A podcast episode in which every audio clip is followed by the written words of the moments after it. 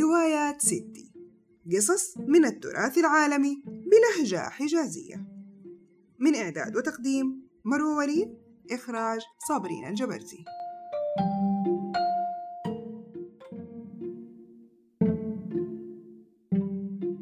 ترويض المرأة الشرسة. كتكت الحجارة اللي لسانها زي الفرقلة. ما حد يسلم منها ولا أحد طايقها. ربنا سلط عليها واحد من طينتها. مسح بها البلاط وهي تضحك. بعض الناس عيالهم عبارة عن استثمار ودول الناس هم اللي يرخصوا عيالهم ويجيبوا لهم الكافية لأنه الناس عارفين إنه بقرشين يشتروا العيلة كلها. لما ما يكون لك قيمة عند أهلك عمره ما راح يكون لك قيمة عند الناس. وفي رأيي ده مربط الفرس في القصة كلها. كان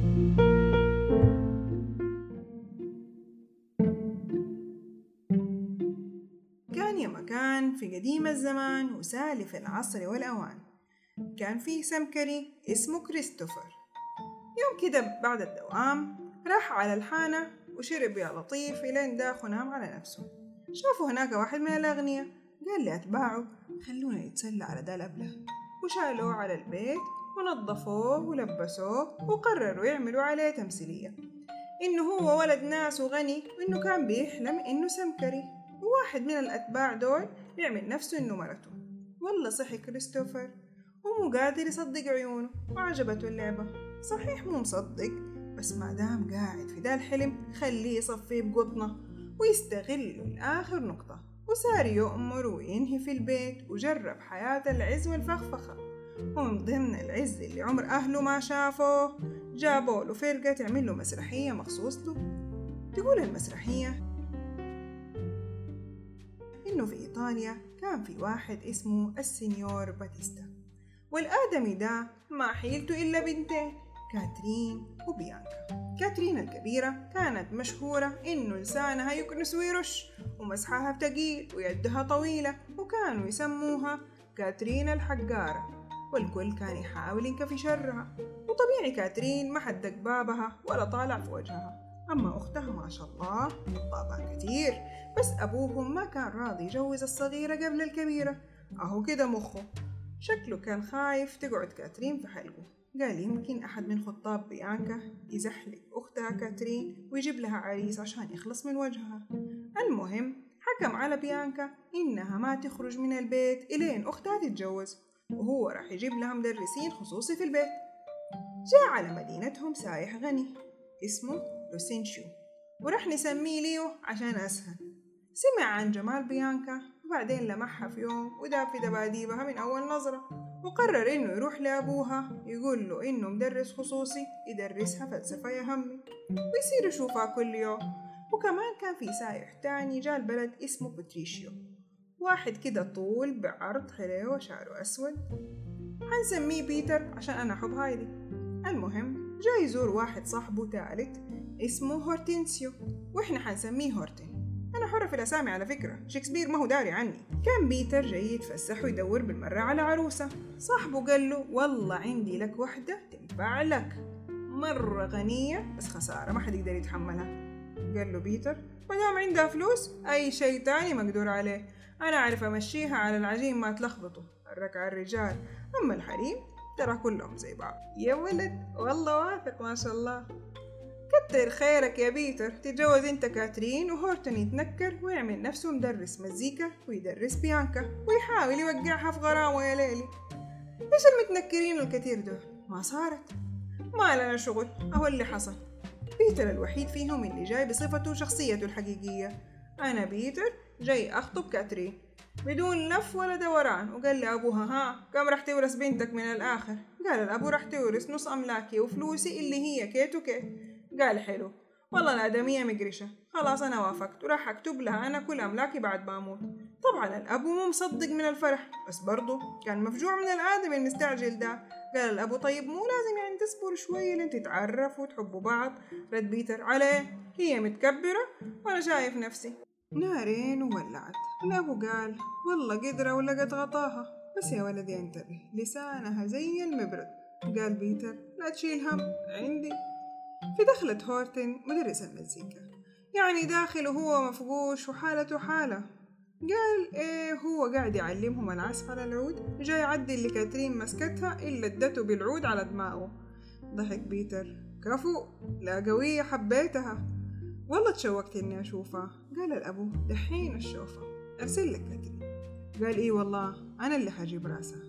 الأبو خرج ورسل بنته. ومن يوم ما دخلت كاترين استقبلها بيتر أهلا كتكت قالت له كاترين بلا سماجة. قال بالعكس كتكت من الكتكتة لأني كتكوتة. وبدأت الحرب. كل شيء تقوله يقول عكسه.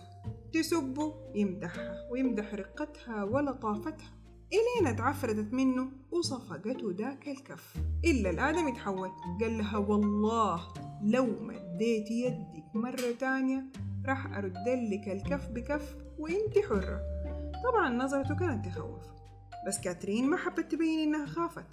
فكملت سب إلين ما بان للآدمي صاحب. قال لها خلصتي؟ ترى ما راح تتجوزي غيري. أنا اتولدت عشان أربيك يا كتكت. رجع الأبو المسكين يشوف إيش حصل مع بنته والآدمي بس دخل هبت فيه كاترين. في أبو عدل يرضى البنت تتجوز واحد مجنون ومتوحش وعنيف زي ده؟ عاد إيش يوقف معزوفة الردح المهم إنه بيتر قال والله يا عمي إحنا اتفقنا. ترى الفرح الخميس الجاي. ردت كاترين. إلهي يشنقوك قبل الخميس يا بعيد؟ رد بيتر. تحبني تموت فيه طيب يا عمي أنا مسافر. عندي شغلة وراجع إن شاء الله على يوم الفرح. مبروك والله عشان جوازها من أهله دي. وبما إنه البنت الكبيرة تسهلت طلعوا رصة العرسان اللي كانوا مستنين من زمان عشان يخطبوا بيانكا. أولهم واحد شيبة صاحب الأبو. الآدمي يبغى يجدد شبابه. سبحان من يحيي العظام وهي رميم نطلي وقال أنا أولى ببيانكا لأني لسه شباب ولسه أدور من يشببني.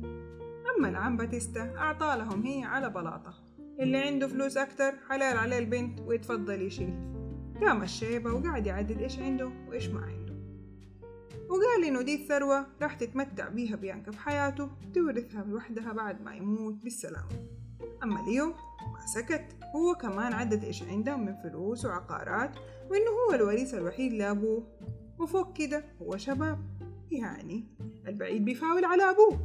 المهم أبو العروسة قال والله يا ولدي إنتوا عندكم فلوس أكتر بس إيش يضمننا إنه أبوك يرضى يعطيك الفلوس؟ والأعمار بيد الله وعلى ما تورث حلني.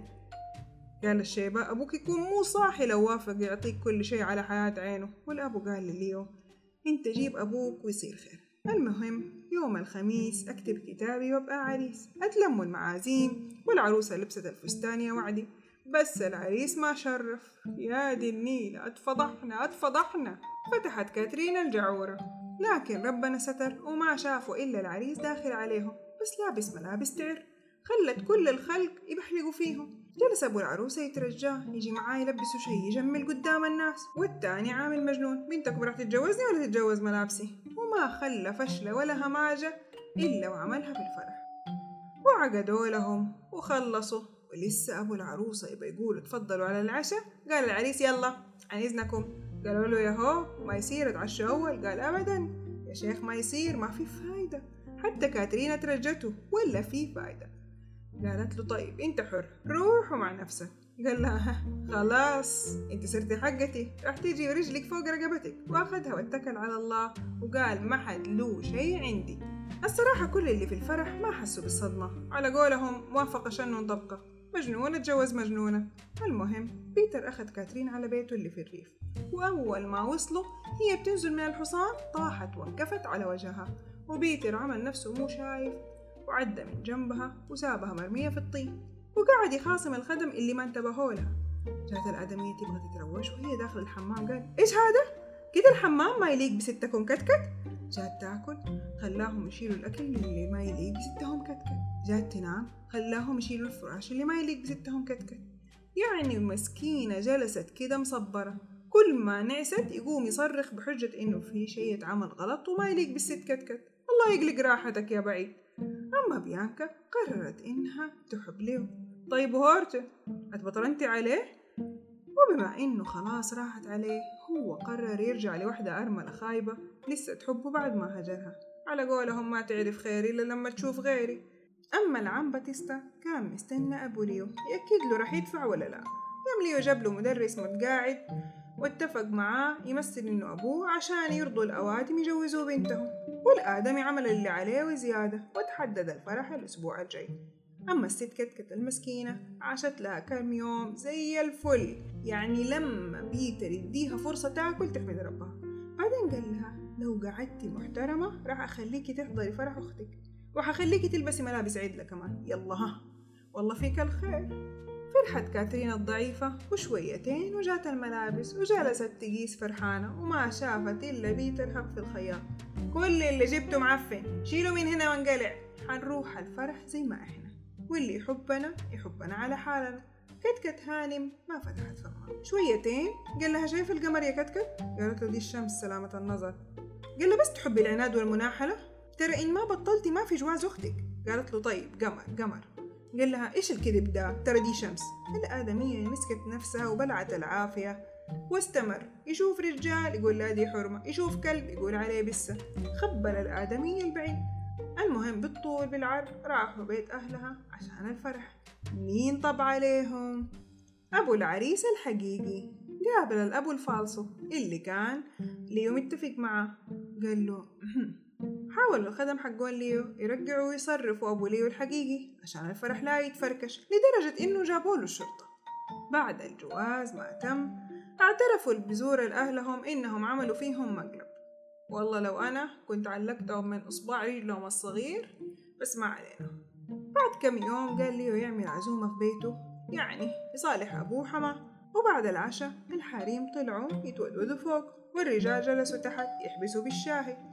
بالمناسبة هورتي رجع للأرملة زي قولة يخص وتجوزها وجلسوا العرسان الثلاثة يتحدوا بعض. مين اللي كلمته؟ تمشي على مرته. قام ليو قال لهم نعمل تحدي. وعليه رهان. اللي ينادي مرته وتيجي من غير مشاكل هو أرجل واحد فينا. أول واحد ليو. كلم الخادم وقال له نادي ستك بيانكا. قول لها إني أبغاها. راح الآدمي ورجع. قال تقول لك ما هي فاضية وما تقدر تجيك. فاشله هورتن قال يلايمها عشان لا يخسر. قال للخادم قول لي زوجتي لو سمحتي من فضلك ممكن تجي. ورجع له الرد انت تمزح مو؟ تقول لك اللي يبغاها هو اللي يجيها. جاء دور بيتر قال للخادم يقول لستك كتكت تعالي بسرعة. ما شافوا إلا الآدمية جات تجري. قام بيتر قال لها روحي جيبي صحباتك من فوق. ما شافوها إلا ورجعت وجايباهم من قفاهم. قال لها بيتر أبغاك تعلمي الحرمتين دول كيف يتعاملوا مع رجالة. وجلست يا هم ليلي تعطي محاضرة في واجبات الزوجة الصالحة. اللهم قوي إيمانك يا شيخة. وفاز بيتر بالرهان لأنه قدر يروض كتكة الحقارة وخلصت المسرحية. نام بعدها كريستوفر وصحي لقى نفسه تاني في الشارع. شكله راح هو كمان يحاول يروض مرته. وتوتة توتة خلصت الحدوتة.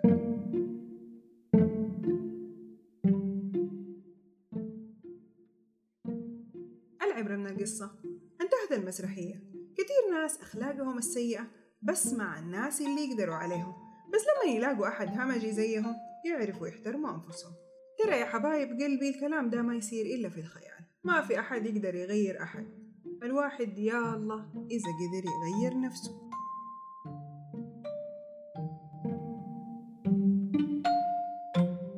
لا تنسوا تتابعوني كل يوم خميس الساعة 8 بتوقيت السعودية. في روايات ستي إعداد وتقديم. مروة وليد إخراج صابرين الجبرتي. ونشوفكم على خير. مع السلامة.